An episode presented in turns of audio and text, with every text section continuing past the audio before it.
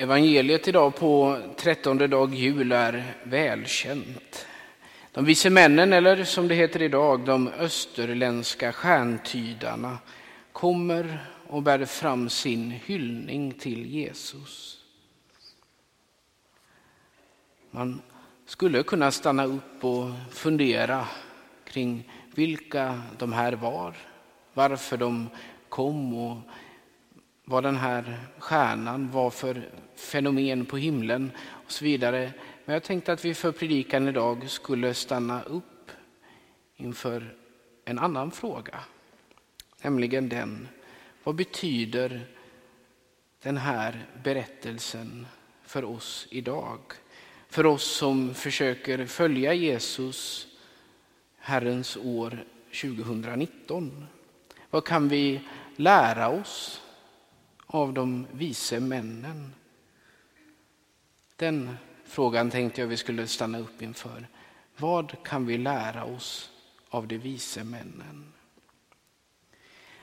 Ja, det första vi kan notera är att de vise männen bryter upp.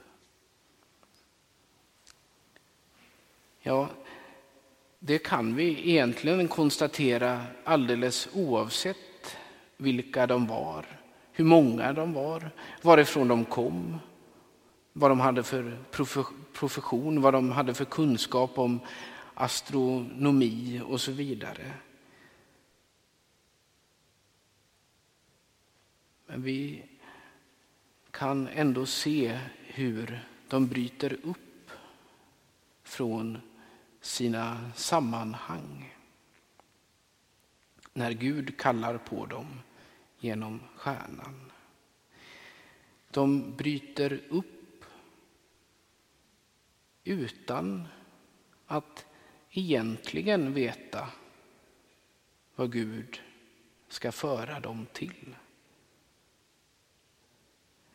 De går till den judiske kungens palats, till Herodes.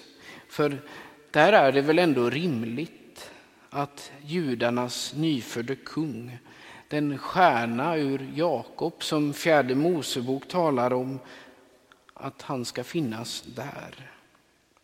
Men med hjälp av bibelordet och profeten Mika fick de sedan vägvisning den vägvisning som behövdes för att leda dem rätt. De hade kommit mycket på spåren. De bröt upp när Gud kallade dem. Men ändå var deras förväntan så fel. Hur ofta behöver inte vi göra upp med våra egna föreställningar om hur Gud borde handla. Om vi bara har fått ana något litet av Guds ledning så tror vi att vi har resten av händelseförloppet i vår egen hand, att det är redan klart åt vilket håll vi ska gå.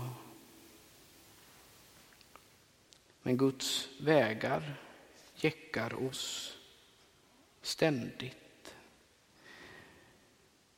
Då gäller det inte bara att ge upp i sitt sökande och tänka att ja, oh, ja, ja, jag gick fel den här gången också. Jag tog miste den här gången med. Det gäller att inte ge upp sökandet lyssnandet, utan som de vise männen också ta emot ledning på nytt. Så var det också för Abraham när Gud kallade honom att bryta upp. Abraham följde, bröt upp, trots att han var, som det berättas, 75 år när Gud talade till honom första gången. Och under återstoden av sitt liv fick Abraham se hur Gud överraskade honom på de vägar som han leddes fram på. hur Abraham var på väg åt lite styrning bort från målet. Hur Gud gång på gång för honom rätt igen. Vad kan vi lära oss av de vise männen? Vad kan vi lära oss av Abraham? Vad hindrar oss från att bryta upp? Vad hindrar oss från att följa Jesus och ge honom mer av oss själva? Kanske handlar det om våra föreställningar, vår bild av vem Gud är. Kanske handlar det om vår bön. För det är det andra vi kan lyfta fram som en lärdom när vi frågar oss vad de vise männen kan lära oss. Vem skall vi tillbe? Det heter visserligen i vår översättning att de vise männen gick för att hylla Jesus, hylla den nyfödde kungen. Men ordets innebörd går djupare än så. Ordet betyder bokstavligen att falla på knä inför någon, att visa vördnad. Så det handlar alltså inte om att hylla någon som man kan göra i en familj när någon fyller år och alla står upp och sjunger ja må han eller hon leva. Det handlar inte heller om hur en fotbollspublik kan hylla en tidigare spelare som ska gå till nästa uppgift i karriären. Det är en typ av hyllning, men det är inte den hyllning som texten idag handlar om. Nej, att falla ner på knä i bemärkelsen att tillbe är något mer, något djupare. Något mycket grundläggande mänskligt. Och det går utöver födelsedagshyllningen. Samma ord används till exempel i berättelsen om hur djävulen prövar Jesus i öknen. Djävulen begär inte att Jesus ska hylla honom på det sätt som vi har sett, utan att han ska falla ner och tillbe honom. Jesus svarar, Herren din Gud skall du tillbe.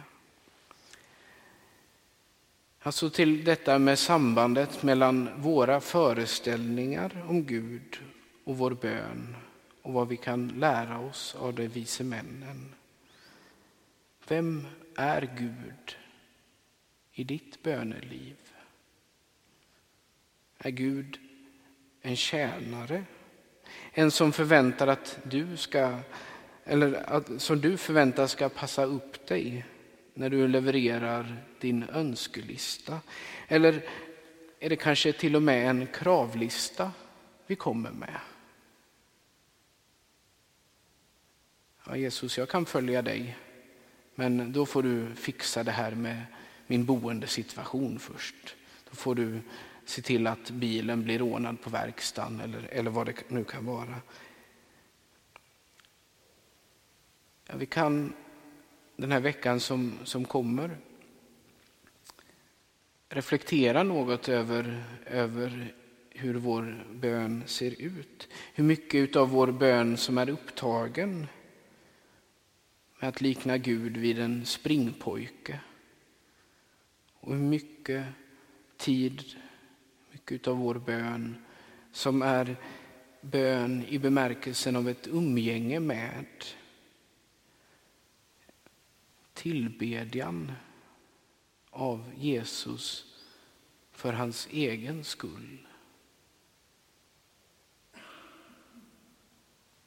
Oaktat önske och kravlistor. För han vill framför allt att vi ska lära känna honom. Och det gör vi inte först med någon önskelista, inte någon kravlista, utan i vår bön vara inför honom som sådan han är. Den frågan om hur vår bön är leder oss fram till den tredje lärdom vi kan dra när vi betraktar de vise männen denna söndag. Deras gåvor. De vise männen frambar guld, rökelse och myrra. Vad har vi att ge jämförelse med dessa gåvor? Finns det till exempel något mer praktiskt vi kan tänkas ge?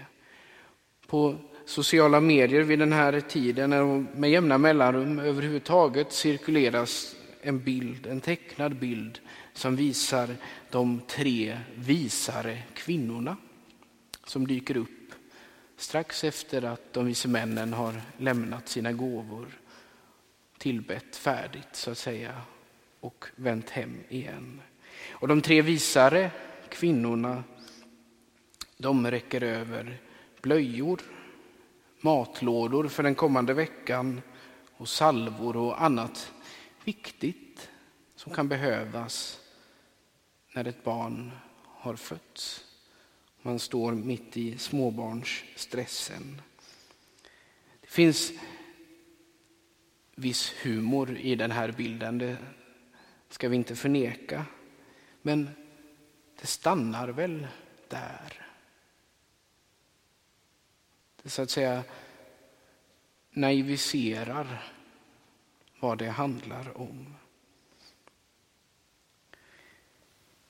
Den belgiske karmelitmunken Wilfrid Stinnesen han visar på tre gåvor som så att säga kan vara en följd av att bryta upp, komma till Jesus, falla ner och tillbe honom som kommer av att vi lär känna honom. Och det första vi, den första gåvan då hänger ihop, säger Wilfrid Stinnesen, med att detta barn är din skapare. Att skapa innebär att bära fram något ur eller av intet. Så om du verkligen vill hylla barnet som din skapare, skriver Stinnesen, ska du ge honom ditt intet. Din inre tomhet, din vanmakt, din oförmåga. Utan ditt intet kan han inte skapa dig, men med ditt intet gör han ditt liv till sitt verk. Vidare poängterar Stinnesen att barnet i krubban också är ordet, Guds ord, som var av begynnelsen, som evangelisten Johannes skriver i sin prolog. Ja, barnet är Faderns ord. Ordet vill göra sig hört, det söker dem som vill lyssna. Du kan erbjuda din öppenhet, din tystnad, ditt lyssnande. Det tredje som Stinnesen nämner är att barnet också är Kristus, din frälsare. Han kommer för att hela dina sår, för att befria dig från din synd. Du kan aldrig lära känna honom om du inte avslöjar dina synder för honom. Den tredje gåvan vi kan ge barnet är vårt behov av hans läkedom. Då förvandlar han din synd till lysande tecken på sin kärlek. Så låt oss i veckan som kommer ge barnet vårt intet, vårt lyssnande, vårt behov av läkedom. Låt oss vara inför honom i vår bönekammare så att vi kan höra när han kallar oss att bryta upp och leda oss de människor, de sammanhang dit han kallar. Ära vare Fadern och Sonen och den helige Ande, så som det var av begynnelsen, nu är och skall vara, från evighet till evighet. Amen.